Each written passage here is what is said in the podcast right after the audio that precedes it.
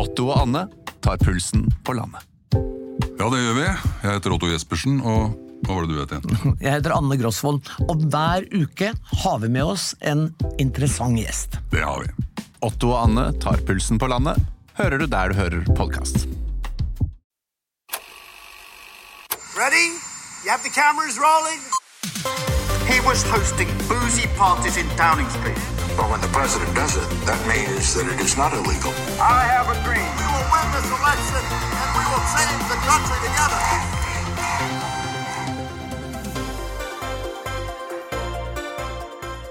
Velkommen.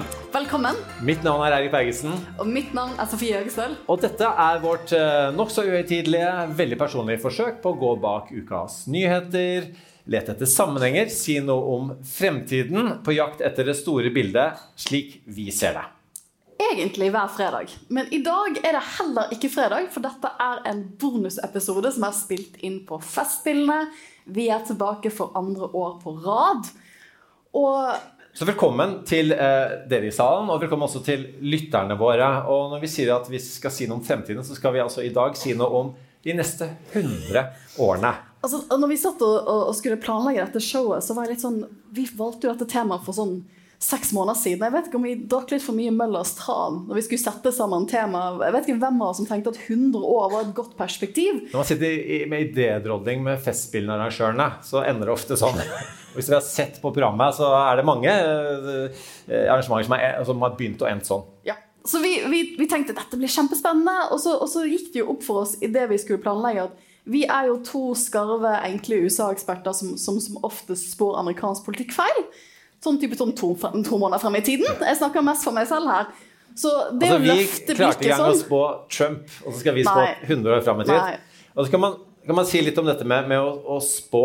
Eh, og, og du kan si veldig mye om det å være ekspert også, da, eh, for øvrig. Men, men podkasten vår er jo verken meningen på en måte å si noe eh, som konkluderende om hvordan ting blir i samfunn, samfunnet, eller egentlig si komme med våre egne konklusjoner heller, men grunnen til at vi begynte med dette her for ca. et år siden, var jo at, at krigen i Europa forandret Europa på mange måter. Eh, det skal vi komme litt tilbake til. Like litt tilbake til hvordan ting har vært, og gjorde oss alle veldig urolige på hva som kommer videre.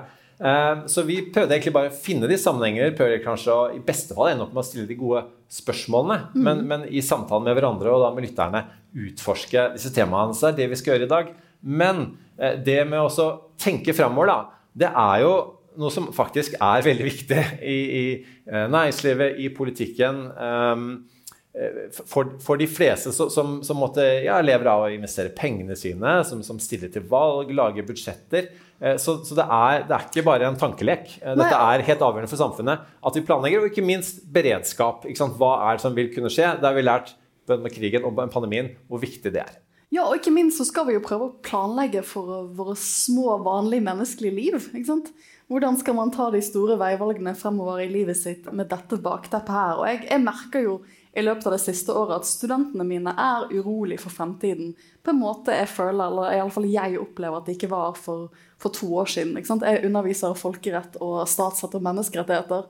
Og jeg merker at det utgangspunktet jeg hadde for å snakke om folkerett for to år siden, det er ikke der i dag. Jeg tror når jeg skal prøve å forklare hvordan verdenssystemet vårt henger sammen for studentene mine nå, så er det veldig mange av de 20-åringene som tenker at dette her er jo ikke lav. hvordan, hvordan kom vi opp med en sånn type modell?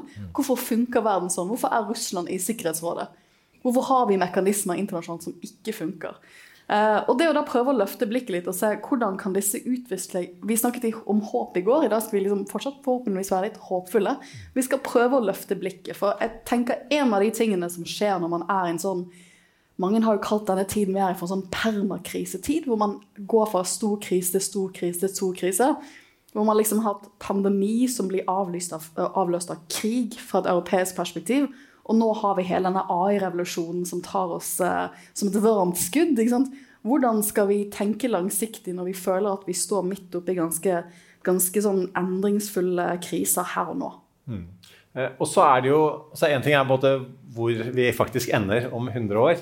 Eh, men en annen ting er på en måte den altså, måten vi driver samfunnsutvikling på. Da. Altså Hvor viktig er politikerne, hvor viktig er, er de opp mot næringslivet? Eh, og ikke minst i og med at vi er på Festspillene, hvor viktig er, er kulturen og, sivilsamfunnet? Oss mennesker opp mot eh, makta. Rett og slett. Så Det er de en del tingene vi skal gå litt inn på. Og så er det ikke til å stikke under stol det som Sofie sier, at, at akkurat nå går det ikke så bra i verden. Man har overskrifter som i Foreign Affairs, Age of Uncertainty. Eh, det, en, eh, det var en coversak i The Atlantic som, som vi har hengt oss mye opp i, som heter 'Bad Guys Are Winning'. Sånn ca. to år siden. Det har ikke gått så mye bedre siden den gangen. Skrevet av Anne Applebaum, som jeg føler er en av de store tenkerne vi har eh, akkurat nå i verden, som skrev en sånn stor coverartikkel. Dette er da fire måneder før Russland går inn i Ukraina, som heter 'The Bad Guys Are Winning'. Hun hadde bilder av alle de store autoritære lederne, hvor hovedhypotesen hennes er at autoritære regimer de gjør et skikkelig comeback i 2020, det 21. århundre, som vi er i nå. Og hvordan kan vi jobbe med å bekjempe det videre? Og det har jo bare forsterket seg siden invasjonen. Og så er, det, så er det noe vi vet at vi skal selv om ting er kanskje mer rolig, mindre stabilt nå enn bare for kort tid siden, så skal vi ikke tilbake til da. Den fremtiden som møter oss, vil være litt annerledes. Og det vil jeg tro at dere som, som jobber med, opp mot næringslivet her, eh, vil jo på en måte vite det. At det er akkurat nå, i disse tider, eh, man skal gjøre noe nytt. Eh, Man skal planlegge for den dagen ting blir litt mer stabilt igjen. Og så er det jo mange som betaler om ikke direkte oss, da, konsulenter, penger for å finne mønstre for å kunne investere riktig, planlegge riktig. Um, eh, altså, Men vi, alt dette her så skal vi også bevare Det var jo eh, ungdommen vi snakket med i går ganske opptatt. Vi skal jo bevare mye av det gode i det livet vi lever i nå. Så hvordan har vi den balansen mellom fornyelse, fremtidsrettede mål, mens vi også bevarer de tradisjonene vi har? Det skal vi snakke mer om med disse flinke folkene. For, for vi har ringt noen venner. Etter at vi liksom fikk øynene opp for akkurat hva vi hadde satt som tema for denne samtalen, så tenkte jeg at vi trenger hjelp. Vi kan ikke svare på Vi må ha folk vi i alle fall kan gjemme oss bak. I det vi prøver å svare på hva skjer om 100 år. Ja, fordi altså, igjen, ekspertbegrep er jo omstridt av gode årsaker. Eh, men så er det noe sånn at, at noen av oss har jobbet og tenkt spesielt mye mer enn andre på, på sitt felt. Så det er det vi har prøvd litt i dag. Vi har prøvd å dekke opp det som har med ja, demokratisering å gjøre, med, med økonomisk vekst, økonomiske forskjeller, eh, forholdet mellom folk, eh, makt. Eh, og hvordan vi spår, hvordan vi predikerer samfunnet. Eh, håp har vi vært inne på. Hva, hva er håp for et begrep? Eh, og så litt sånn ekstra fokus på Bergen og regionen. Hva skjer her eh, i løpet av de neste 100 årene? Ja. Med det skal vi rett og eh, introdusere Vi kan ønske gjestene våre velkommen opp på scenen. skal vi introdusere dem når de kommer opp. Ta vel imot. Og for lytterne våre som ikke ser, her står jeg med Monica Mæland, administrerende direktør i Bergen Næringråd. Guro Bolan, redaktør i Bergensavisen, står her borte. Jeg står med Lars Svendsen, professor i filosofi ved Universitetet i Bergen, og ikke minst tenketanken Civita. Og Sveinung Arnesen, som er førsteamanuensis ved Institutt for politikk og forvaltning ved Universitetet i Bergen. Og jeg jobber også i, i Norse. I Norse. Um, og Monica kjenner dere også som mangeårig toppolitiker. Um, skal vi, vi skal begynne med første spørsmålet, da, eh, Monica. Om 100 år har vi bybane til Åsane, da? Jeg hadde altså håpet at det skulle være på ett eneste møte eh, på de siste ti årene hvor eh, det ikke var en eh, debatt om det som begynner på B og slutter på Ane. Eh, men i dag kan vi jo gratulere Bergen bystyre med å ha vedtatt en reguleringsplan. Eh, ja, jeg, jeg tror vi har en eh, bybane til Åsane. Men hvor den går, det, det tør jeg ikke være er, på. er vedtaket gjort allerede nå? Det er gjort et reguleringsvedtak Ja. nå i, i kveld. I dag? Ja. Eh, men om det siste ordet er sagt, det vil jeg ikke. Jeg har ikke veddet en månedslønn på det. altså. Altså, det er ordet omkamp um, Det er sånn, eh, det er sånn litt, sånn bergensk. For at veldig mange andre steder i verden så er det sånn at ja, man tar et vedtak, og så ble det vedtaket. Mens her er det sånn Vi tok et vedtak, eh, så får vi se hvordan ting utvikler seg. Kan være at det blir en omkamp. Men det hender at det er ganske lurt. Det var et vedtak om å rive Bryggen. Eh, det er ikke sikkert det var lurt. Eller det var det jo ikke, da. Definitivt ikke. Eh, men eh, ja, det er et vedtak altså Det er et ord i Bergen også som heter å belite seg. Og det handler faktisk om å slå seg til ro med det vedtaket man har fattet. Men, men du som har så mange år representert styresmaktene, både her og nasjonalt, du hadde jo satt pris på at det var faktisk var mulig å gjennomføre vedtak. Ja, og min opplevelse er jo at det er mulig å gjennomføre vedtak. Eh, Jeg har vel erfaring for å gjøre noe sånt som flere hundre forskriftsendringer i løpet av et par år. eh, Under pandemien, annet. Og de ble etterlevd. Vi skal komme tilbake til pandemien, men vi tenkte at vi skulle kanskje begynne med å snakke litt om hvordan man predikerer. For jeg er jo en enkel jusforsker, og vi enkle jusforskere vi Når jeg er jusforsker, så driver jeg med å lese lovene slik de er nå. Jeg ser kanskje på noen forskrifter, ser på litt forarbeider, og så prøver jeg å eh, liksom tyde hva betyr disse ordene i loven og i forarbeidene, og hva er egentlig gjeldende rett. Og det er en veldig fin jobb å ha. Jeg koser meg masse med å gjøre det teoretisk på, på universitetet. Og så har jeg skikkelig kule kollegaer som Sveinung, som faktisk jobber på helt andre måter og bruker statistikk og data til å lage mye mer avanserte modeller. For Sveinung, du jobber jo med å predikere en slags samfunnsutvikling som en del av din stilling. Hvordan jobber du med det? For å starte oss i dette løpet, nå skal vi se langt frem i tid. Nei, da bare går jeg på til chat-GPT. Så hei, kan du fortelle meg hvordan dette er? Um, altså, ja, altså, jeg jobber for så vidt ikke akkurat med, med sånn prediksjon av langt fram i tid, og sånt, men jeg har jobbet litt med prediksjon av valg. Ja. Uh, så der har jeg uh, befattet meg med det. Uh, selv om det er nå en stund siden også eh, der. Så da, da finnes det ulike tilnærminger. da. En kan, eh, hvis en tenker statistikk og modeller, så kan du, eh, kan du se på forhold som, har, på måte, som du har data på langt tilbake i tid. Sånn som eh, hvordan det går med økonomien. Eh, hvor lenge har eh, vedkommende, hvis i USA president sitter med makten, osv. Eh, og så kan du finne på mønstre som du da eh, henter fra historien, og så egentlig bare drar du deg litt framover i tid, og så sier du at eh, hvis ting, historien eh, fortsetter i samme løpet som man har gjort før, så vil dette vil det se sånn ut i framtiden. Men jeg vil jo si at det er en måte å teste modellene på, men eh, jeg har alltid vært veldig forsiktig med å si at sånn kommer det til å gå. For det er, altså, samfunnet er veldig komplekst. og det, vi hadde kjente, ukjente, og vi hadde ukjente, ukjente, som Donald Rumsfeld, Rumsfeld snakket om. Det er mange ting som vi ikke kan kontrollere, eh, og derfor så vet vi egentlig at eh, ting kan gå veldig mange veier. Og Noen vil jo si at det er umulig å predikere samfunnsutviklingen, men eh, i hvert fall når det gjelder valg, så tenker jeg at det er en veldig fin måte å teste noe som du Altså, du kan ikke endre det som kommer fram i tid. Det er veldig lett å endre i etterkant, endre en forklaring, og mange har veldig gode forklaringer på ting som har skjedd. Eh, og jeg, jeg mener egentlig at det er mye vanskelig å forklare ting som har skjedd. Det bare ser lettere ut fordi du henter, plukker litt forskjellig. Eh, Svein, bare eh, kjapt inne. Du, du ble jo, da du surre rundt med dette her rundt uh, Trumps si, start, uh, så, så ble du også bare kalt, blant annet kalt Norges Nate Silver. Og er, er det sånn at Er det det at vi er blitt så polariserte at vi også at, at vi er blitt litt mer forutsigbare da, i både velgeratferd og holdninger? At, det er, at det er litt sånn sånn derre ja, Er du fra eh, altså by-land, som er jo kjente sentrum-periferi, mest kjente politiske konfliktlinjen, at det, at det i seg selv er, er med og predikerer vår atferd? Altså jeg vil si at uh, Egentlig så er det motsatt. Altså Det var veldig Før, for flere tiår siden, så var du arbeider, så stemte du Arbeiderpartiet. Sant? Var du bonde, så stemte du Senterpartiet. Eh, og, og, på mange måter så var det eh, veldig fastlåst. Du hadde en sosial identitet, og den overførte du til politikken. og sånn stemte du. Eh, mens eh, ja, hvor tid det skjedde, kanskje 80-tallet, hvis jeg husker riktig, så begynte det på en måte å, å mykne opp, og folk begynte å egentlig shoppe litt mer partier. Så at det er eh, kanskje mer løsere De velger mer løsere knyttet til partiene nå enn de var før.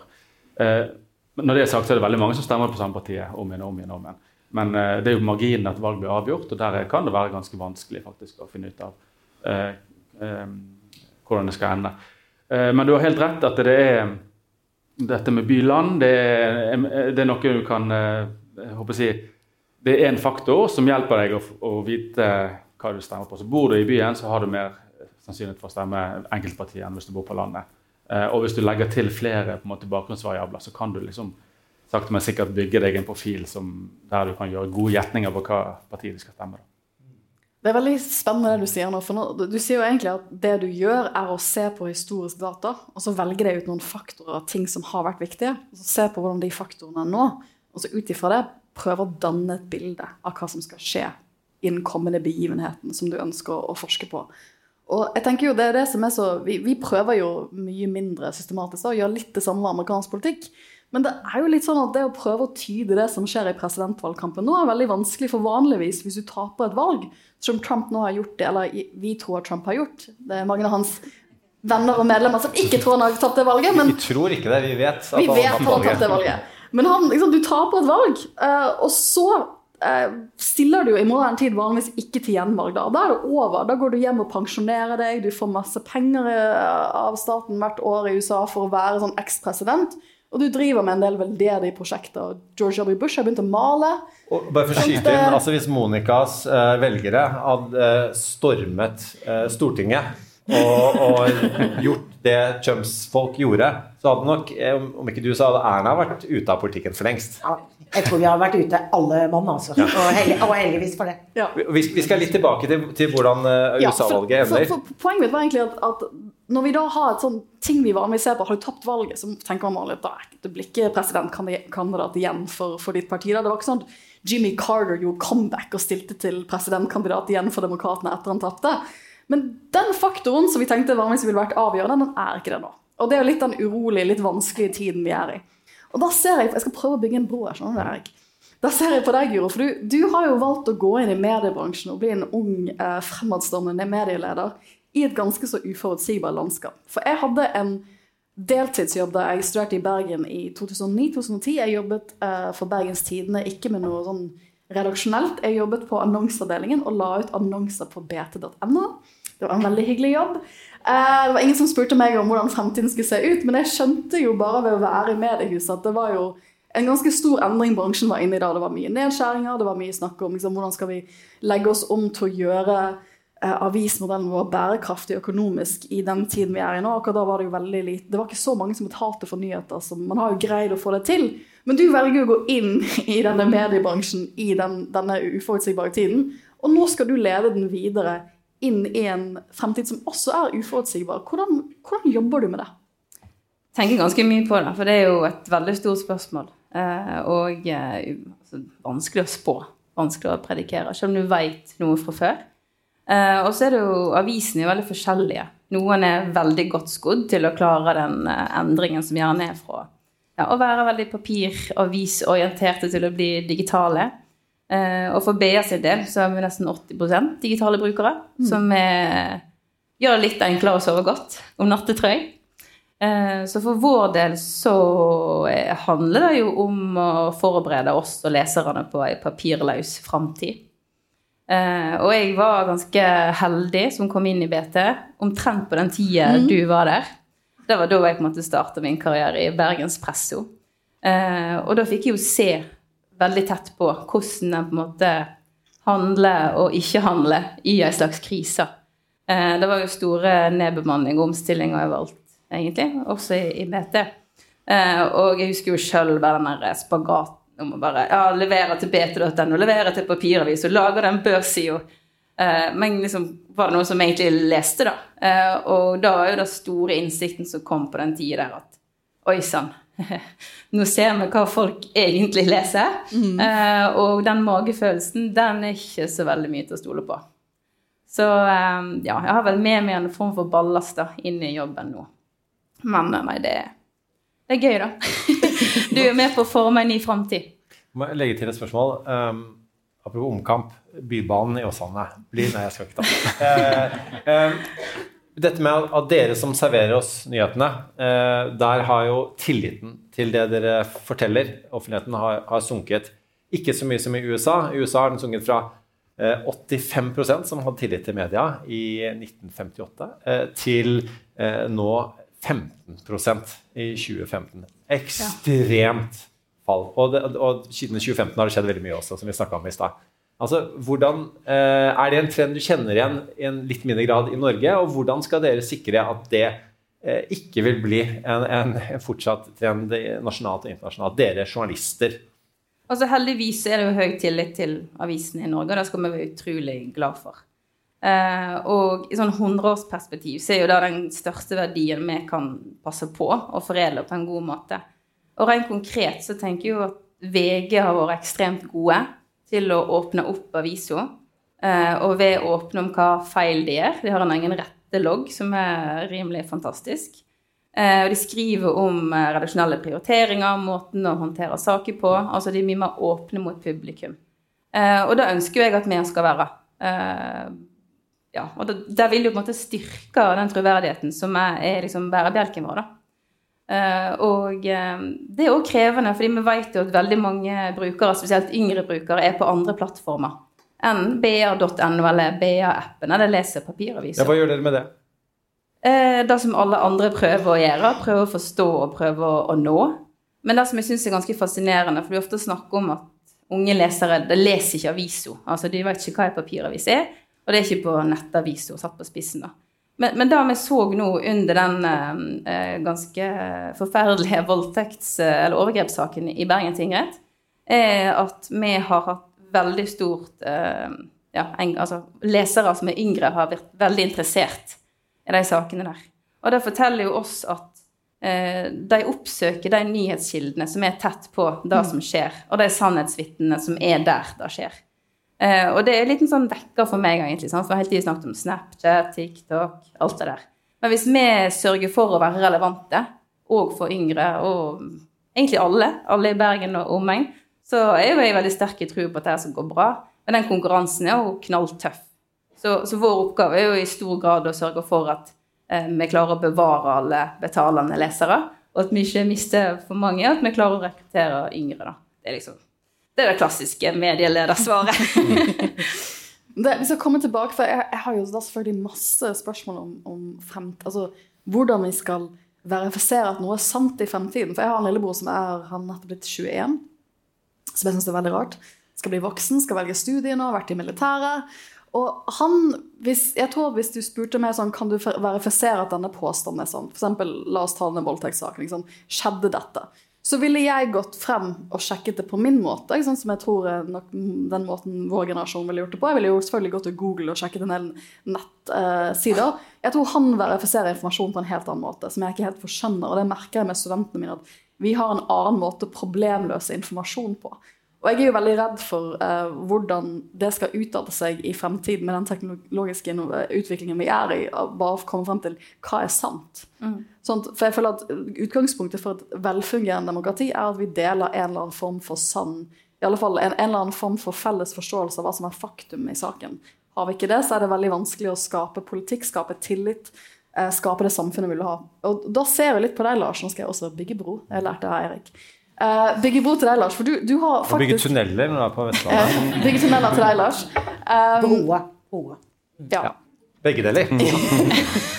uh, for, for, du har jo skrevet masse forskjellige bøker. Du er filosof, og er det én ting jeg ofte konkluderer i poden vår når vi gjør litt forskjellige samfunnstema om dagen, så er det hvor viktig god, gammeldags humaniora kommer til å være til å løse en del av disse store problemene vi har i fremtiden. Eh, og du skriver jo masse. Du har senest skrevet en bok om håp. Du har jo også skrevet en bok om, om Det var sist vi møttes på festen. Var det sannhet? Om å lyge? Så vi skal komme tilbake til det. Og jeg skjønner at du også holder på med litt sånn skriving om dumskap. Det skal vi absolutt komme tilbake til. Men hvorfor valgte du å skrive en bok om håp akkurat nå? Uh, det var uh, Altså 24.2 i fjor så satt jeg egentlig og skrev på en helt annen bok.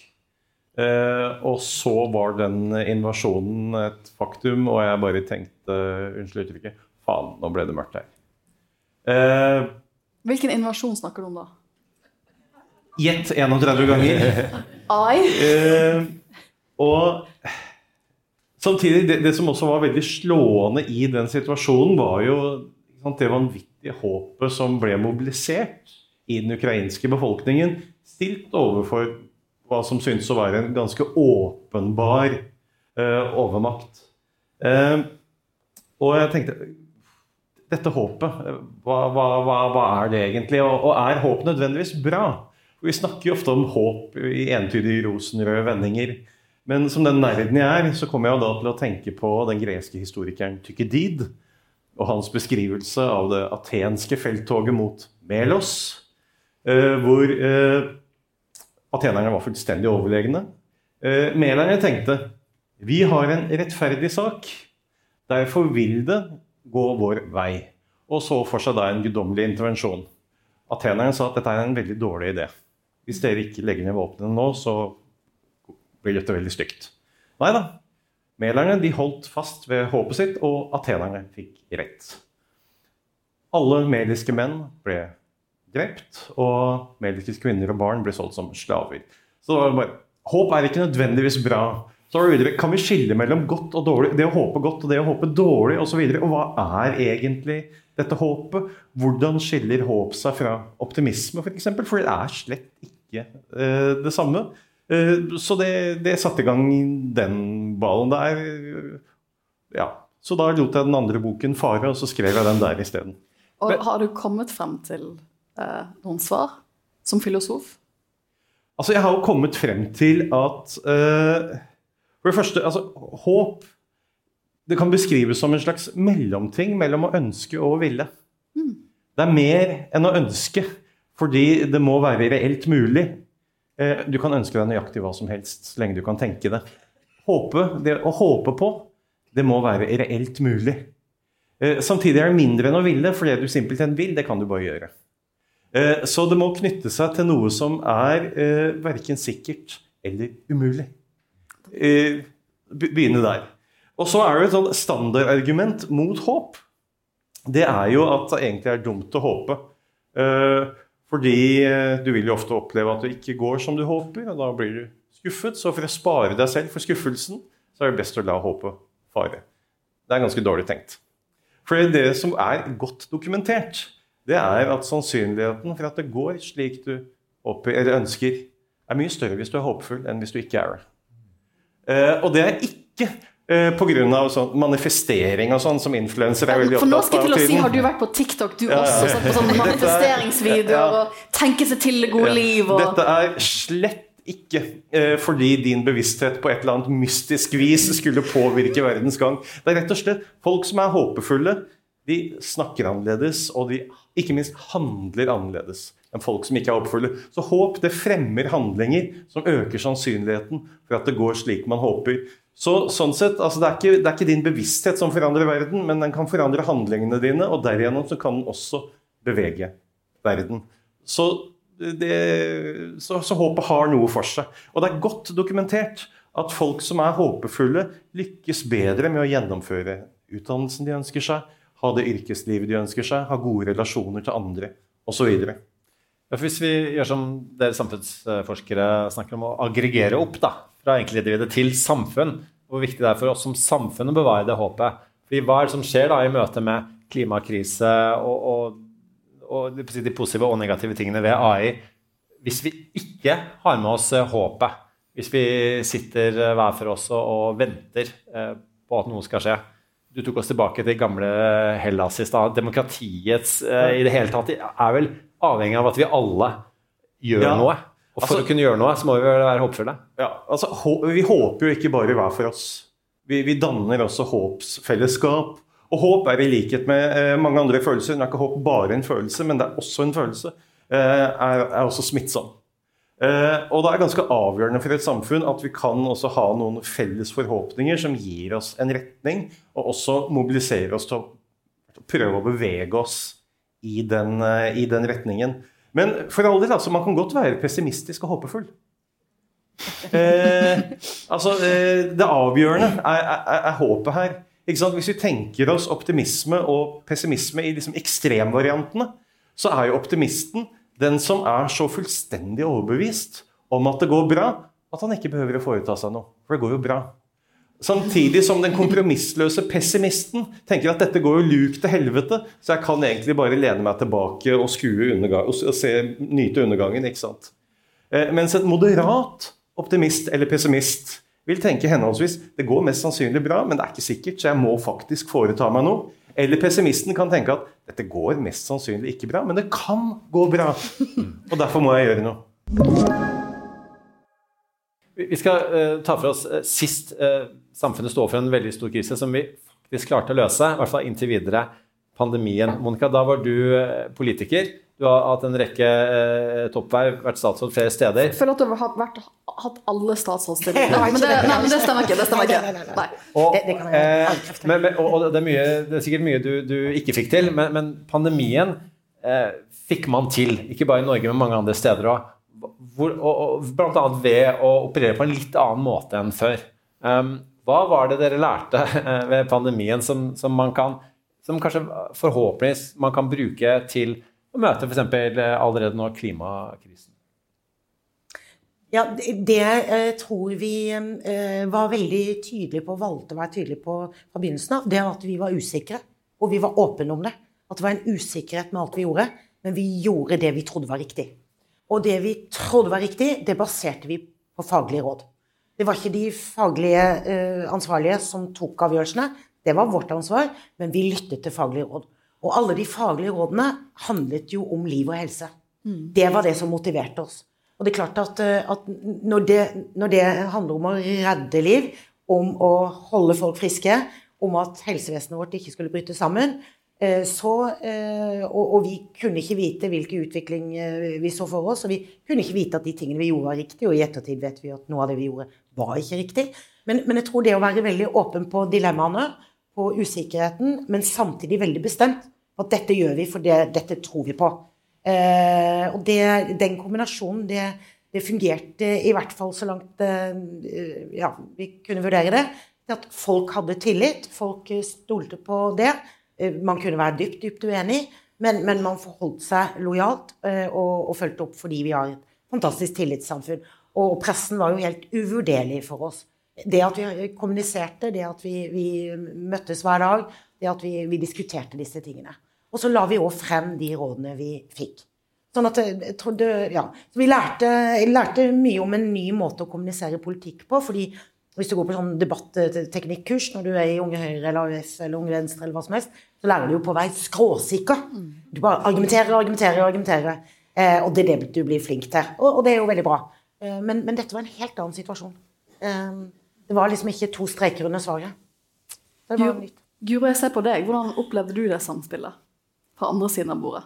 Altså, jeg er veldig imponert over innsatsen. Altså i forhold til å bare hoppe inn i den type kommunikasjon, da. Eh, det var jo liksom som at Dagsrevyen fikk en sånn renessanse. For det var jo liksom Ja, hver dag så skal jeg se på denne sendingen. Eh, så jeg tenker at det sikkert ting en kunne ikke, gjort annerledes eller gjort bedre, eh, sånn sett i ettertid. Hvilke Men, ting spesielt tenker du på da? Um, hmm. Var det det med, altså ble man litt for Man fikk et oppmerksomhet rundt at ja, myndighetene måtte ta tak i litt ting og ha litt rammeverk, men ble det litt for mye Nå ser jeg bort på Civita her også. Er litt for mye inngripen i folks liv? Det virker, jo, virker, det virker jo sånn på, på, på noen diskusjoner i, i, samfunnet, men nå tenker jeg jo mest sånn fra presseperspektivet, så eh, kan det jo handle om at liksom alt om korona, alt om pandemien, ble på en måte interessant. Eh, og det er jo kanskje sånn at en i ettertid burde reflektert mer rundt hva var det egentlig prioritert å skrive om, og hvordan gjorde en det? Bidro en til trygghet, eller gjorde en det ikke det? Men det er jo òg liksom en del av pressens dynamikk å både være kritisk, men òg opplyse. Da. Så det, det, var et veldig godt spørsmål. Lenge siden jeg har tenkt på den pandemien, merker jeg.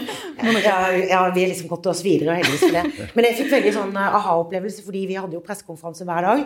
Eh, og det var ikke fordi vi nødvendigvis hadde noe nytt å melde, men det var nødvendig fordi vi hadde så mye henvendelser, så det var like greit at vi tok en oppsummering hver dag. Og jeg tenker at en pressekonferanse er en pressekonferanse. Da snakker du med pressen.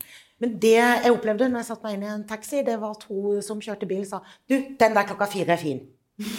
Klokka fire ser du på pressekonferanse klokka Ja ja, det gjør alle. Å ja, eh, gjør alle det, ja? Så pressekonferanse ble liksom folks hverdag. Og det var veldig rart å tenke på. Eh, og jeg opplevde jo at vi en, eh, Det var en søndag eh, før påske hvor, hvor Kjell Ingolf Ropstad og meg vi, vi, var oppe i Justisdepartementet. Det var svært sånn hus som stod tomt, så det var god plass. Og skulle vi ha en sånn Facebook-gjennomgang. Hva kan man, hva kan man ikke? Hvem kan man være med, hvem kan man ikke? og når den sendingen begynte, så kom det plutselig opp en plakat. NRK TV 2 sender direkte. Hæ? Er det rabla, tenkte jeg. Eh, går de inn og liksom tar en Facebook-sending og sender men, men, det var det livet dreide seg om, og vi var jo i den boblen, alle sammen. Eh, så det var jo ikke liksom at det var annerledes for, for oss enn for noen andre. Vi, vi, vi, var i en boble, og vi levde i den samme boblen, tror jeg, veldig mange av oss. Ble, de, de pressekonferansene, der ble du nesten sånn barometer, husker jeg, eh, for, for litt sånn der, hvor lenge siden vi hadde hatt normalitet. Vi satt og kikka på etterveksten på håret ditt, og så Nei, nå må frisørene tilbake på jobb. Altså, det, var, det var en venninne eh, ja, Det var en som sendte melding om at uh, hun sendte bilde av hvor lang ettervekst hun hadde. Og så skrev hun Jeg spurte min mor uh, hvordan jeg så ut, og hun sa heldigvis ikke så ille som Monica Mæland. jeg tenkte ikke på det et sekund, men det, jeg, det må jeg bare helt ærlig si. Men det, jeg må bare si at jeg syns det du sier nå om tvil er veldig interessant. For det var kanskje litt det jeg opplevde um, fra mitt ståsted. at mye av den forskningsmetoden, måten vi finner ut av hva som er sant her i verden, den fikk vi liksom forklart metodisk til offentligheten. Nå har vi noe kunnskap om hva vi tror pandemien er. Og så, liksom, I begynnelsen så trodde man at den spredde seg kanskje sånn og sånn og sånn. Og så gjør man jo en del eksperimenter, og så ser man to måneder senere at det vi trodde var sant, det er ikke sant lenger. Vi har noe bedre informasjon. Og så må du forklare den informasjonen og også hva som det fortsatt er knyttet tvil til. Og jeg tror Som forsker så føler du av og til at du kan møte et mediebilde hvor du skal være veldig skråsikker. Sånn, mens det du gjør, som Sveinung var inne på i sted, sånn, det du gjør, du prøver jo eh, å nyansert komme frem til et svar som du vet har en del feilgruver. Og, det som et sånt litt mer sånn fremtidsmanus for hvordan vi kan stå i kriser. Det syns jeg er veldig spennende at, kan, at det er mer åpenhet nå kanskje for å si at vi er ganske sikre på at vi har tatt dette veivalget rundt hvordan vi skal løse det, men her er usikkerheten vi har å kunne kommunisere begge to samtidig. Og da ser jeg på deg, Sveinung, for du, du forsker på veldig mye spennende. Men eh, en av de store spørsmålene i vår tid er jo demokrati. Hva skal vi gjøre med demokratiet vårt? Vi er jo veldig heldige i Norge at demokratiet vårt fortsatt står så støtt som det gjør. Nå har, jeg har noen kollegaer på UiO som jobber med en sånn tilstandsanalyse av hva er egentlig tilstanden i vårt demokrati. Det skal de publisere på Arendalsuka om noen uker. Det blir veldig veldig spennende. Men vi vet jo at vi, sånn, hvis vi ser på det store bildet, så lever vi jo en demokratisk nedgangstid. Eh, jeg har jo noen forskere ved, De samme forskerne ved UiO de er i sånne internasjonale samarbeidsforum hvor de har malt eh, demokratinivået i verden og viser at de siste årene så har det falt tilbake til 1986. Og jeg er jo født i 1986. Så for meg er det veldig rart å tenke på at den demokratiske fremgangen man hadde i løpet av mine første leveår, den er på mange måter borte nå. Eh, så jeg føler at demokrati og sannhet er en av de to store utfordringene vi har i hvordan vi skal forme denne hundreårsbildet. Og hvordan, for Du ser jo litt, litt på dette. Hvordan jobber du med den tematikken? Ja, så Jeg jobber litt mer, med, mer på sånn individnivå. da. Altså mm. Atferd og holdninger til demokrati. Eh, og vi, vi spør de, sant? Eh, hvor, altså, Hvis du spør rett fram hvor viktig er det at du bor i et demokrati, eh, så, er, så scorer eh, det veldig høyt i alle land. Eh, alle ønsker å bo i et demokrati. Og så spør du gjerne hvordan er det demokratiet der du bor nå. Hvor fornøyd er du da? Der varierer det mer. Og i Norge heldigvis igjen da, så er vi, er vi på en måte mer fornøyde enn mange andre land. Så det er jo det, er jo det gode bildet for vår del. Men vi så også at hvis vi pirker litt mer bort i på en måte prosessene, da, de demokratiske prosessene, så, så, så er ikke det sikkert at eh, folk støtter disse prosessene alltid like sterkt hvis de ser at utfallet ender opp eh, i motsatt retning av det de sjøl kunne ønske seg. Altså, de støtter folkeavstemninger, eh, og at en, en, bør følge folkeavstemninger. Men hvis det blir nei, og du sier ja, eller omvendt, så er det ikke kanskje så viktig å følge den folkeavstemningen likevel. Eh, så det ligger en sånn iboende instrumentell eh, eh, vurdering av også demokrati, demokratiet. da. Så det er viktig å ha med seg. For vi har, vi, har, god støtte nå, men jeg tror at også i veletablerte demokratier som Norge, så eh, vil folk se seg om et alternativ hvis en ikke opprettholder på en måte, eh, Hvis ikke en leverer. Eh, så, og ja, Om 100 år, hva vet vi da? Det vet jeg ikke. Men, men eh, det må, jeg, eh, jeg tenker at Når du tenker, har ting i et hundreårsperspektiv, så handler det om hva vil vi. sant? Mm. Det, det, det, er ikke hvordan går det, men hvordan vil vi at det skal gå. Og da må en innrette seg etter det. Eh, og selvfølgelig igjen, beslutninger vil tas i, uh, us uh, under usikkerhet. Det vil det også gjøre for, for oss uh, framover. Men jeg tenker at ha et fokus på demokratiet og på en måte hele tiden prøve å videreutvikle det, det er viktig for at det skal bevares. For folk ønsker den formen, men, men jeg kan håper jeg, jeg skal ikke ta for gitt at, at, at vi har det for alltid. Men du tror at vi har et demokratiaktig system i Norge om 100 år? At det kanskje litt, har litt andre prosesser? At vi har modernisert noe av prosessene? Ja, altså jeg vet at vi, vi vil det, i hvert fall sånn, sånn på generelt grunnlag så vil vi det. Eh, og, eh, og, da må en jo jobbe for det. da, sant? Og det er jo det Jeg tror det fordi jeg tror at folk vil jobbe for det. Sant? Men det er klart at ting kan utvikle seg i feil retning òg. Eh, en kan miste sosiale, det sosiale limet stor, hvis det blir veldig stor ulikhet, f.eks. Det kan, det kan ødelegge, ødelegge litt limet i samfunnet. Sant? Og det, det, er andre ting som kan, også kan, eh, kan gjøre at eh, demokratiet mister oppslutningen. Men eh, um, det, det, tenker jeg er opp til oss, da. Mm. Ja, og det er en viktig påminnelse, for det er vi som, som er demokratiet. Og eh, samtidig så ja, Vi snakka om disse bad guys are winning, vi snakka om disse tallene som Sofie viste til.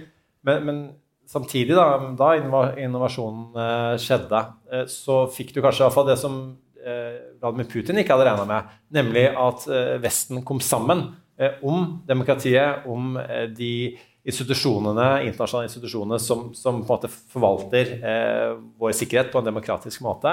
Eh, og, og både, både, Nato, internasjonale avtaler, eh, samarbeidet mellom eh, disse institusjonene, EU, FN osv., fikk på en måte en litt sånn, et sånn comeback. da, Veldig mange forsto eh, hvor viktig eh, i, med, opp mot disse motkreftene det var. Så hva tenker du på at hva er, de positive tingene vi kan si om, om det som har skjedd i og med krigen? Så det har jo vært samlende for håper si, vår side, eh, selvfølgelig. Det kan jo eh, Ikke så galt at det er ikke godt for noe. Kan, det er kanskje best lengst jeg kan strekke meg der. For det, det, er klart at det, det, er jo en tragedie, det som skjer. Så, um, men, men en, ja, en, ser at Europa samler seg. Sant? Europeiske land har hatt problemer. Og, og, altså prosjektet Europa har kanskje vært litt sånn um, famlende, kanskje. Mens her har du en helt klar eh, samling om, uh, om, felles verdier, og, uh, og nå er det alvor. Og det, da handler det deretter. Da, så det blir kanskje en, en mer, også mer effektiv, et mer effektivt EU. Sant? For det handler jo om retning igjen. Hvilken retning vil vi at samfunnet vårt skal være i, og hvilken type gruppering ønsker vi å være i dette hundreårsperspektivet. Nå er det Nato-toppmøte i, i Norge denne uken her. Og det handler jo om de lange linjene, siden vi ble med i Nato um, etter andre verdenskrig. Men da lurer jeg litt på, da er vi liksom tilbake til litt dette sannhetsspørsmålet. og liksom hvordan, hvordan skal vi navigere eh, og teknologi, hvordan skal vi navigere det samfunnet som vi kommer til å, å, å, å bevege oss inn i. Det som kanskje var mest eh, spennende i går, når Eirik og jeg prøvde å være krampaktig unge, som jeg føler at Det gikk sånn ish med disse ungdomsskoleelevene. Men de blomstret til når vi snakket om AI. Da var de kjempeinteresserte. ikke sant? For En av de tingene vi har hengt oss litt opp i, er eh, at man har sånne Ung-undersøkelser. Og en av de tingene Ung-undersøkelsen avdekket i år, det var jo at stadig flere unge er bekymret for at de ikke skal ha et like godt liv som foreldrene sine i fremtiden. Og ikke minst arbeidsmulighetene sine. Og da ser jeg jo på deg, Monica, for du har jo valgt å gå ut av toppolitikken og nå gå tilbake fullt inn på næringslivssiden i Bergen. Eh, hvorfor valgte du å gjøre det, og hvordan jobber du med denne langtidsprognosen, sånn at unge folk i vestlandsregionen tenker at jeg kan også gå ut og skape et godt liv for meg? Eh, altså valgt og valgt. Vi ble kastet av det norske folk. Eh, det er liksom demokrati på sitt ypperste. Eh, og det hegner vi om, selv om vi syns det er litt kjipt når vi blir kastet ut. Så dette er en beredskapsplan? Ja, Men sant å si så hadde jeg jo i forkant av valget besluttet at, at når tiden i regjering var over, så var min tid som, som, som heltidspolitiker også over. Og det handler jo om at jeg er så gammel at skal jeg gjøre noe annet i livet, så må jeg gjøre det nå. Eh, og da, når du da får tilbud om å eh, få drømmejobben eh, Og det har jeg fått. Eh, Bergen Næringsråd er en gammel, 177 år gammel medlemsorganisasjon, men som har greid å være, eh, og det kan jeg si ubeskjedent siden det ikke er min eh, fortjeneste, være den viktigste aktøren, politiske aktøren utenfor politikken. Eh, så er det så fantastisk eh, å få lov å jobbe med. Det å jobbe med medlemmer, med arbeidsplasser, med vekst og velstand eh, på Vestlandet, det er kjempeviktig. Og ikke minst så er det altså viktig å beholde de kloke og unge hodene, i hvert fall flest mulig av de. Vi skal selvfølgelig dele med resten av landet, men, men det å beholde de er veldig viktig. og Derfor så har jo vi flere programmer, både trainee-programmer, sommerjobbopplegg. Vi jobber med bedriftene, vi jobber med alle kunnskapsmiljøene. Eh, for å se på hvordan kan vi, kan vi sørge for eh, at unge mennesker synes det er så spennende å bo og jobbe i byen vår, eh, og få opp øynene for alle mulighetene som er der. Vi har nå sett Bergen Up for unge ledere og nettverksbygging.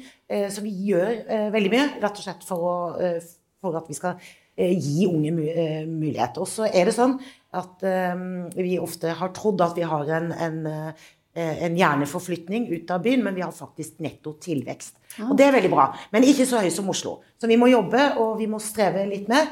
Men, men vi ser jo det at, at, det er mange som blir, og som trives, og som eh, bygger livene sine på Vestlandet. Det er jeg kjempeglad for. Lars, du er jo Du jobber både i Oslo og Bergen samtidig. Eller ikke omsider er samtidig, nødvendigvis, men du, du, du pendler. Eh, Så du er et godt eksempel, eh, godt eksempel på det. Men eh, jeg bare lyst til å stille deg også spørsmålet. Jeg vet at du har noe annet på hjertet også, men dette med eh, Hvis du tar på deg Civita-hatten litt, dette med, med tradisjoner, eh, Ja. det er jo viktig når man skal eh, fremover. Og hele konservatismen er jo basert på forandring for å bevare. Eh, Men tenker du i møte med Bergens næringsliv at man noen ganger blir for tradisjonelle, rett og slett litt gammeldags, kanskje litt konserverende i møte med fremtiden? I hvert fall før Monica Mæland ble leder. Eh, nei, altså, man, man bør jo absolutt Sorry, eh, Marit Warnke. Du eh, også en veldig god jobb. Man, man bør absolutt være, være tilpasningsdyktig. Eh, samtidig er det nok en god idé å unngå total panikk. ikke sant? Nå er ting usikre, så vi må gjøre alt annerledes. Det er som regel en veldig dårlig, dårlig oppskrift. Men for all del så må man om, omstille seg. Og altså, Disse unge menneskenes bekymringer for, for jobber fremover Selvfølgelig kan man forstå det. AI kommer til å eliminere en hel masse arbeidsplasser. Eh, For å si det sånn, Frisørene, som uansett ikke tjener noe særlig penger på meg, de, de kan være ganske trygge.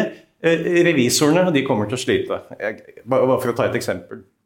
Men altså, samtidig så må vi huske på det at altså, teknologidrevet massearbeidsledighet har hittil aldri inntruffet.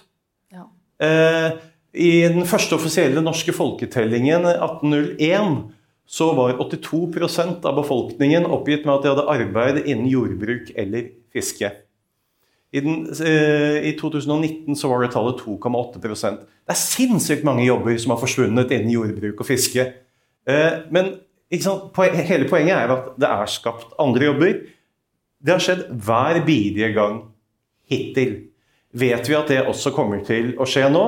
Nei, det vet vi ikke. Men hvis vi insisterer på å fortsette å gjøre alt slik vi har gjort, da, vil det antagelig ikke gå så bra. Men, men uansett, altså, det faktum at mange jobber kommer til å forsvinne, er ikke nødvendigvis noe som bør eh, gjøre oss paniske for at nå forsvinner alt arbeid. Nei, men vi må se at det åpner seg rom for helt andre jobber enn de vi har hatt eh, kan Nei, ja, altså, og endring er jo DNA-et til næringslivet. Altså, Se hvordan man har endret seg gjennom finanskrise, gjennom eh, oljekrise. Eh, man, man, Guro leder et mediehus. Man lever i endring. Det er en del av det å puste, og, det forstår næringslivet. Hvis du, ikke, eh, altså, hvis du ikke er villig til å, endre deg, utvikle deg, modernisere deg, eh, gå videre, ja, ja, så kommer du ikke til å overleve. Eh, sånn er det bare. Sånn at, og det, jeg tror jo at unge mennesker er veldig kloke mennesker. Så med mindre vi gamle, eller jeg snakker for meg, driver og snakker ned mulighetene hele tiden, og snakker ned de, de fantastiske tingene som skjer, ja, så kommer de til å bidra til at vi gjennomfører det grønne skiftet. Vi kommer til å, å gjøre ting på en bedre, sikrere, tryggere måte fremover. Verden går fremover, rett og slett. Men Guro, Jeg er håpefull optimist, jeg, da. det er bra. Guro, jeg ser på deg, for at en av de, altså Det som interesserer meg Jeg forsker ikke på dette, men det som interesserer meg med denne industrielle revolusjonen som vi står i nå, i lys av AI, er at det er jo mange økonomer som vil si at det er tidligere eh, revolusjoner innenfor arbeidslivet som handler om teknologi, ofte har gjort at det man kaller på engelsk for low skilled labor jobber man ikke trenger lang utdannelse, f.eks. At de, det er de, ofte de jobbene som har forsvunnet først. Men nå er vi jo i en teknologirevolusjon som går etter våre jobber. Altså sånn høyt utdannede jobber. Og jeg merker jo dette på jobb, at vi hadde en klok eh, førsteårig jusstudent som skrev en stor kronikk i DN for noen uker siden, hvor han er litt sånn Jeg er førsteårsstudent på jussen, skal bruke fire år til på dette her. Hvorfor gjør jeg det når jeg er usikker på om jeg trenger fem år med denne type utdannelse om ti år, hvis, hvis, hvis man har automatisert mye av de advokatjobbene jeg hadde gjort? Da ser jeg på det, for det har jo vært mye snakk om liksom, ja, ja, nei, om noen, om noen måneder, kanskje om et år, så blir Eirik ringt opp av en AI-robotjournalist som vil vite hva vi tenker om presidentvalget i 2024.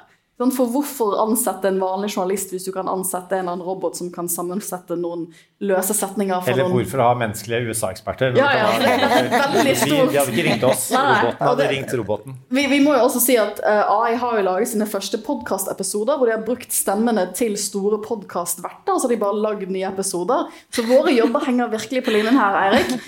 Men hva tenk, hvordan, hvordan, Du står jo midt i en sånn bransje som allerede har vært gjennom en stor digital revolusjon, og så får du dette. Hvordan ser du på det?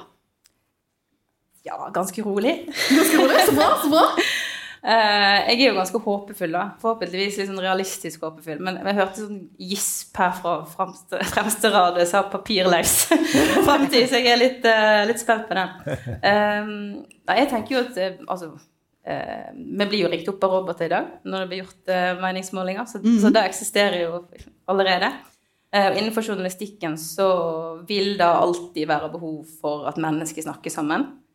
Jeg tror nok at Eh, journalistikken i Norge, som har blitt stadig mye bedre de siste årene, er jo et resultat av at folk har snakka sammen. Eh, godt eh, kildehåndverk. Eh, og at den er der ting skjer. Eh, det kan sikkert være en robot som kan analysere eller kan se for seg hvordan det er på en R-konferanse. Eh, men det er jo noe med å tenke at dette her er noe vi må lære av, da. Og sånn som Monica var inne på, det er veldig viktig hvordan vi snakker om AI. Mm. Uh, og at vi ikke liksom Det var vel uh, SV som ute, var ute og foreslo at en på en måte skulle vedta en slags veldig sterk avstand til det hele på et vis. Og da tenker jeg veldig feil retning å gå, da. Men det fins veldig sånn lavthengende frukter å bruke AI på i dag. at Du kan få forkortinger av artikler. Ikke alle gidder å lese 4000 tegn. Du kan få gjort om lydopptak til tekst veldig mm. fort. Så, allerede er jo mediebransjen Eh, en del av eh, hele det AI-sirkuset. Men så ja, jeg er rolig, men altså, herlighet er jo og skumle greier, liksom, hvis du først begynner, først begynner å lese om det. Lars og så Monica. Ja, altså, jeg, jeg tenker vel at en del av det jeg vil mene er den minst interessante delen av journalistikken, typiske klikkjournalistikken f.eks., den ligger nok tynt an. Altså typiske artikler som er oversatt til norsk av journalister som burde vært bedre i engelsk, og gjerne også bedre i norsk. Da, da finner du ikke på BA, jeg Nei, men, men, eh, den, type, den, type, stoff, det tror jeg nok vi vil se blir eh, automatisert. Mens eh, altså, eh, gravejournalistikk, eh, grundigere eh, meningsjournalistikk og sånn, tror jeg egentlig er ganske safe for now. Og så tror jeg ikke minst at det faktum at vi kommer til å altså få en syndeflod av eh, falske nyheter, mm. av eh, digitale kloner eh, osv. faktisk kan føre til en styrking av de tradisjonelt redigerte mediene. For vi behøver noe å stole på. Ja, og akkurat det der er jo superinteressant for oss. For det handler jo om hvordan vi kan synliggjøre at noe er verifisert. At noe er ekte. Og, og den type verktøy fins jo og blir stadig liksom bedre. Eh, jeg er helt enig med deg at jeg tror at vi kommer til å se en styrking av den type journalistikk. Eh, så først og fremst nå er det bare gode håndverk som kan gjøre oss bedre, da. Men det er jo kanskje litt sånn naiv. Litt sånn eh, ikke nødvendigvis Ja, hva skal jeg si. Jeg opplever jo innenfor mediebransjen at det er litt sånn Enten så Sånn som nå er det litt tøft. Nå er det sånn mørke skyer. Og du har jo de redaktørene som bare Å, herregud, nei, liksom, nå bare da raser alt. Og så har du de som er liksom Nei, nei det, altså, dette har jo vi gjort før. Altså, mm. Dette er jo på en måte en uh, syklus, så dette skal gå veldig, veldig fint. Så det er jo noe med å på en måte ta inn over seg realitetene og så på en måte bestemme litt hva som er sine egne rammevilkår òg, da. Uh, så uh, nei. AI ikke det bra, da? Is i magen, Monica og Sveinung? Ja, det er jo mange som har ment at uh, mennesker på en måte er, er overskuddsmateriale som vi ikke trenger om, om, noen år. Altså Jeg husker for 20-30 år siden man snakket om at i 2020-2030 så kommer vi ikke til å spise måltider, vi bare tar en pille og så er vi mett. Men da har man jo ikke skjønt hvor viktig alt det andre rundt det. Så det å, det, jeg tror ikke vi skal undervurdere verdien av menneskelig faktor, og så lære oss å bruke uh, verktøy og, og tegne over oss dilemmaene, alvoret og, og, hva det krever av oss. Altså, ja, alt håp er ikke ute. For ikke å snakke om at folk kommer hit for å være sammen og drikke øl og snakke sammen både før og etter, eh, og være med oss, og ikke bare høre på dette på, på podkast. Eh, men Sveinung, du har bedt om ordet. Man kan bare hive inn litt, fordi at um, altså En ting er mediene, men så har du de sosiale mediene. og Vi var jo veldig framtidsoptimistiske for ikke kjempemange år siden, sånn, kanskje 20 år siden, da, hvor med, med internetts inntog, at det skulle løse alt. For alle gode hensikter lå jo i, i internett. Og da skulle ikke minst eh, folk flest få, få tilgang til å, å, snakke sammen. Så vet vi at eh, måten den samtalen eh, har pågått, har skapt kanskje både mye av den, de falske nyhetene, men ikke minst den polariseringen. Um, og jeg vet at dere har et forskningsprosjekt som, som, bekjemper akkurat det. Dere prøver å lage samtalearenaer som, som, er konstruktive, som er fornuftige, hvor det faktisk utveksles informasjon. Kan du fortelle litt mer om det også? Ja, det kan jeg godt gjøre. Altså, det, um, ja, altså det samarbeidet uh, det handler om det å legge til rette for god demokratisk uh, meningsutveksling. Sant? Altså, hva er det som skal til for at en skal uh, kunne argumentere for og imot og lytte til hverandre. Sant? Og ikke bare stå og slå hverandre i hodet på uh, med, med, eh, med sine ståsteder. Og, og, på en måte eh, legge til rette for at alle, kom, alle får sagt eh, det, de, det, de, ønsker å si. Og um, kanskje de som snakker litt for masse, blir litt begrenset osv. Eh, og det kan en bruke AI til for så vidt også, til å nudge litt, dulte folk til å, eh, i en retning der en legger til rette for god diskusjon. Da. Så det er noe vi har prøvd ut.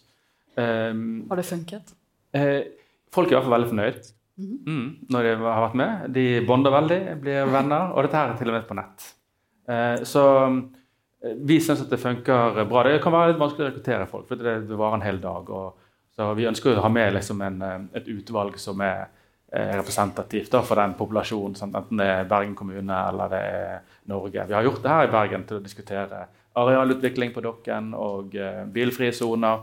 Liksom byutviklingssaker. Og så har vi også brukt det da i eh, nasjonalt til å snakke om kunstig intelligens. AI, bruken ja. av det. Mm. Så da er det litt over til det som jeg tenkte skulle si litt om, om eh, vi statsvitere. En ting vi kan være opptatt av når det gjelder AI, det er når en bruker det til, som beslutningsverktøy, eller kanskje til og med automatiserte beslutninger som uh, inni forvaltningen som angår enkeltmennesker. Sant? Altså i la oss si, Nav, skatteetaten, uh, andre steder. Eh, hvordan eh, Eller først og fremst vil det, og i så fall hvordan vil det, påvirke relasjonen mellom myndighetene og innbyggerne? Altså tillit, legitimitet osv. Det tror vi er et veldig viktig spørsmål. Eh, så det, Da hadde vi en diskusjon, eller da hadde vi, inviterte vi folk fra hele Norge til å diskutere det. Vi hadde eksperter som kom og fortalte, ga ulike perspektiver som du kunne svare på. Eh, og så ga vi en spørreundersøkelse da, før og etter. Og så hadde vi en kontrollgruppe som hadde et, annet, en annen, eh, et annet tema de diskuterte. Og så så vi holdningen til kunstig intelligens endre seg.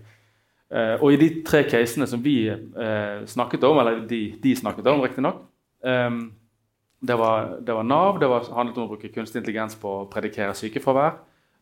Kunstig intelligens på å predikere hvor det er mest formålstjenlig å bosette flyktninger. Eh, og så var det da noe som, eh, som gjelder eh, USA, dette her med prøveløslatelse av innsatte. Hvem er det som er høy risiko, i høyrisikosonen for å bli tatt igjen for å begå kriminalitet. Da. Så det var tre caser, men alle, alle de tre casene så ble faktisk folk mer positive til å bruke kunstig intelligens. Da. Og jeg, tror, altså jeg vet ikke akkurat hvorfor, men jeg tror det handler litt om at eh, en innser at det tas jo den type beslutninger også nå. Sant? Og mange av de er jo feil. Sant? Mm. Så det er ikke sånn at det, Altså, idealet er jo selvfølgelig å alltid ha, gjøre alt riktig hele tiden. Men liksom litt sånn ref det vi har snakket om tidligere. Ting, beslutninger tas under usikkerhet, eh, og eh, feil begås. Eh, men det som kanskje er problemet, er hvis det feil begås systematisk og mm. mot grupper, hele tiden mot enkeltgrupper. Og det må en unngå. Da trenger en demokratisk kontroll, gjerne til og med i utviklingsfasen. Og at en får på en måte folk eller representanter for grupper er med inn til å godkjenne slash uh, kommentere og påvirke hvordan modeller utvikles. Da. Og Det tenker vi er viktig. Det er den menneskelige kompetansen som jeg syns er interessant. For jeg, jeg, kan liksom ikke fri meg fra tanken at vi, vi, tror at vi er midt i det, men vi er kanskje, vi er kanskje altså i alle fall folk på min alder som er født på 80-tallet, vært i sånn startfasen av den type internett, sosiale medier, teknologiutviklingen som vi har. At vi har brukt det, liksom, vi, har, vi, skjønte ikke helt hva Facebook var når vi logget på første gangen. Men Vi delte masse bilder fra studietiden. Og... 510 bilder hele ja, kamerarullen. Ja, ja, ja. Og delte og poket hverandre og likte ting og holdt på. Og, og, skjønte ikke helt hva vi var med på, men vi forstår jo mye mer av de verktøyene nå. For vi har, vi har, vært gjennom det. Vi har, liksom, vi har hatt 10-20 år. Vi tror ikke nødvendigvis lenger at Twitter er veien til den mest demokratiske samtalen. Som jeg husker jeg hadde masse forelesere da jeg studerte menneskerettighet. som var sånn Oi, nå får vi Twitter, og det kom denne uken, og jeg er på Twitter. Og nå skal du se, det skal bli superdemokratisk, og alle skal få lov til å være med. Og det blir så fint. Vi, vi, et, vi, vi lærer jo av å bruke disse virkemidlene. Vi er jo midt, liksom, midt i kanskje startfasen av det. Jeg kan liksom ikke fri meg fra tanken at hvis man har en god utvikling, og hvis vi er på vakt, og hvis vi tar gode veivalg, så vil man kanskje om Vi vil jo sannsynligvis ikke være i live om 100 år. Vi, vi valgte å ikke ta opp temaet 'er vi i live om 100 år'? Så tenkte da, må vi, da må vi invitere litt andre typer personer for å ha den samtalen. Men liksom, om, at om, om, om i alle fall 50-60 år vi bruker den teknologien på litt annen måte, som, på en måte som kanskje forsterker vår menneskelighet. At den er, det den egentlig har fått fram, er, det jeg prøver å si til studentene mine, er viktigheten av menneskelig vurderingsevne. Sant? Av å kunne få bedre informasjon, og så ta de vanskelige, i alle fall for jurister, da, ta de vanskelige skjønnsvurderingene. Eh, og det syns jeg er interessant. Vi, vi må jo begynne å, å runde av nå. Menneskelig intelligens, Menneskelig er, kommer til å være viktig fremover. Men eh, bare altså, et litt sånn spørsmål til, til, til deg, Lars, som, som filosof. Altså det med, altså, hvis vi nå sier at vi er inne på noe der, da, med hvordan samfunnet skal gå videre eh, og, og, og nå er ikke, ikke Monica lenger masse statsrådverv, men, men sant, altså, myndig, myndighetene vil til enhver tid ha liksom, behov for å styre samfunnet. Eh, og så vil individene til enhver tid ha sånt behov for å styre seg selv. Um, eh, og, og ja, mye som, som, som funket i, i pandemien, og da er det kanskje lett at myndighetene tenker ja, men da skal vi bestemme litt hvordan folk skal Nå skal du være i stua di, nå skal du ikke gå ut av stua di. nå er det sånn som altså, er litt lett at man blir fristet til, til å styre ting. Kanskje man begynne å predikere. Ja, hvis bare alle ikke spiser det, ikke drikker det, da har vi jo løst noen folkehelseproblemer. Um, altså, den fristelsen da, til å styre samfunnet, hvorfor bør vi være skeptiske til det? Altså, jeg, jeg, jeg mener jo at liberaldemokratiet er en av de bedre ideene vi har hatt. Et kontroversielt Eh, standpunkt. Og eh, hva er grunntanken der? Jo, at individer og grupper i hovedsak bør få leve livene sine ut fra de oppfatningene de selv har om hva som gir disse livene mening og verdi. Vel vitende at de kommer til å gjøre det på måter som er riktig så uheldige for dem selv fra tid til annen, og det bør de få lov til å gjøre. Det, vil vel være eh, mitt generelle syn på saken der. Vi skal ikke være så altfor styringsgåte. Men ta Voss, for eksempel, der jeg kommer fra. Eh, der var det vel Senterpartiet som vant valget, eh, og Arbeiderpartiet kom på andreplass. Eh, men eh, der var det så god stemning at Senterpartiet ga ordførervervet til Arbeiderpartiet. Fordi at jeg kjente at da var den beste kandidaten til å på en måte styre kommunen. Så det er jo noe med å liksom eh, Ja. Det går jo faktisk an å stemme på folk noen plasser. Men noe av det vi lærte av pandemien, føler jeg, og det diskuterte vi mange ganger òg, vi er i ferd med å skape et samfunn som vi er helt imot. Det var jo det vi gjorde. Vi skapte et samfunn vi var imot fordi det var nødvendig. Eh, Men da lærte vi jo at når eh, det ikke er nødvendig, så må vi ikke gjøre det. Det tenker jeg er en eh, god lærdom å ta med. prøvde jo Høyre å la Frp ta et, justisministervervet også. Det gikk ikke så bra. Når, når det var noen annen enn Monica Mæland som justisminister. Det var, det var syv Det var før litt meg. naivt. I hvert fall. Det var syv før meg. Så jeg sier Justisdepartementet at hvis dere ikke gidder å lære dere navnet, så bare kall meg nummer åtte. Det, det. Eh, Vi skal, vi skal gå inn for landing her nå, men vi kan ta en, bare en sånn kjapp siste runde. Da må dere være korte alle sammen, fordi både vi og Lars har et fly å rekke. Um, hvis jeg kan si den, en, nøkkelting, da. Den ene tingen som vi må passe på, eh, sånn at om ikke vi er her eh, på Festspillene om 100 år, eh, så er det noen som riktig koser seg over tingens tilstand når de er her. Og så begynner med deg da, Monica. Tillit. Tillit. Det skulle jeg si. Vi. Ta vare på hverandre. Da er det to på tillit. Ja. Troverdighet. Troverdighet. Okay. Absolutt eh, tillit. Og så tror jeg bare vi skal ha med oss den tanken at i fremtiden så kommer alt til å være akkurat slik det er i dag, bare enda mer på samme måte. Det var en eh, veldig god avrunding. Ja. Eh, Jeg, jeg har ikke noe bedre å komme med. På ingen måte. Og da, som intervjuer, så vet du, da er det best å bare holde kjeft. Ja. Eh, og eh, takke det flotte panelet vårt. Eh, takke dette hyggelige publikummet. Som vi ikke kan bli igjen, så håper vi de, dere blir igjen. Og Festspillene er ikke over, så det er mye arrangementer å gå på videre. Eh, så med det Tusen takk for oss. That's enough. Put down the mic. Har du et enkeltpersonforetak eller en liten bedrift? Da er du sikkert lei av å høre meg snakke om hvor enkelt det er å sende faktura med fiken. Så vi gir oss her, fordi vi liker enkelt. Fiken superenkelt regnskap. Prøv gratis på fiken.no. Kronemarked hos Bar. Nå har vi en mengde varer til 10 og 20 kroner. Hele denne uka får du løbiff fra Folkets før 54,90, nå kun 20 kroner. I tillegg får du et utvalgt Vasa knekkebrød, før fra 1690, nå bare 10 kroner. Alltid tilbud på noe godt. Hilsen oss i Spar.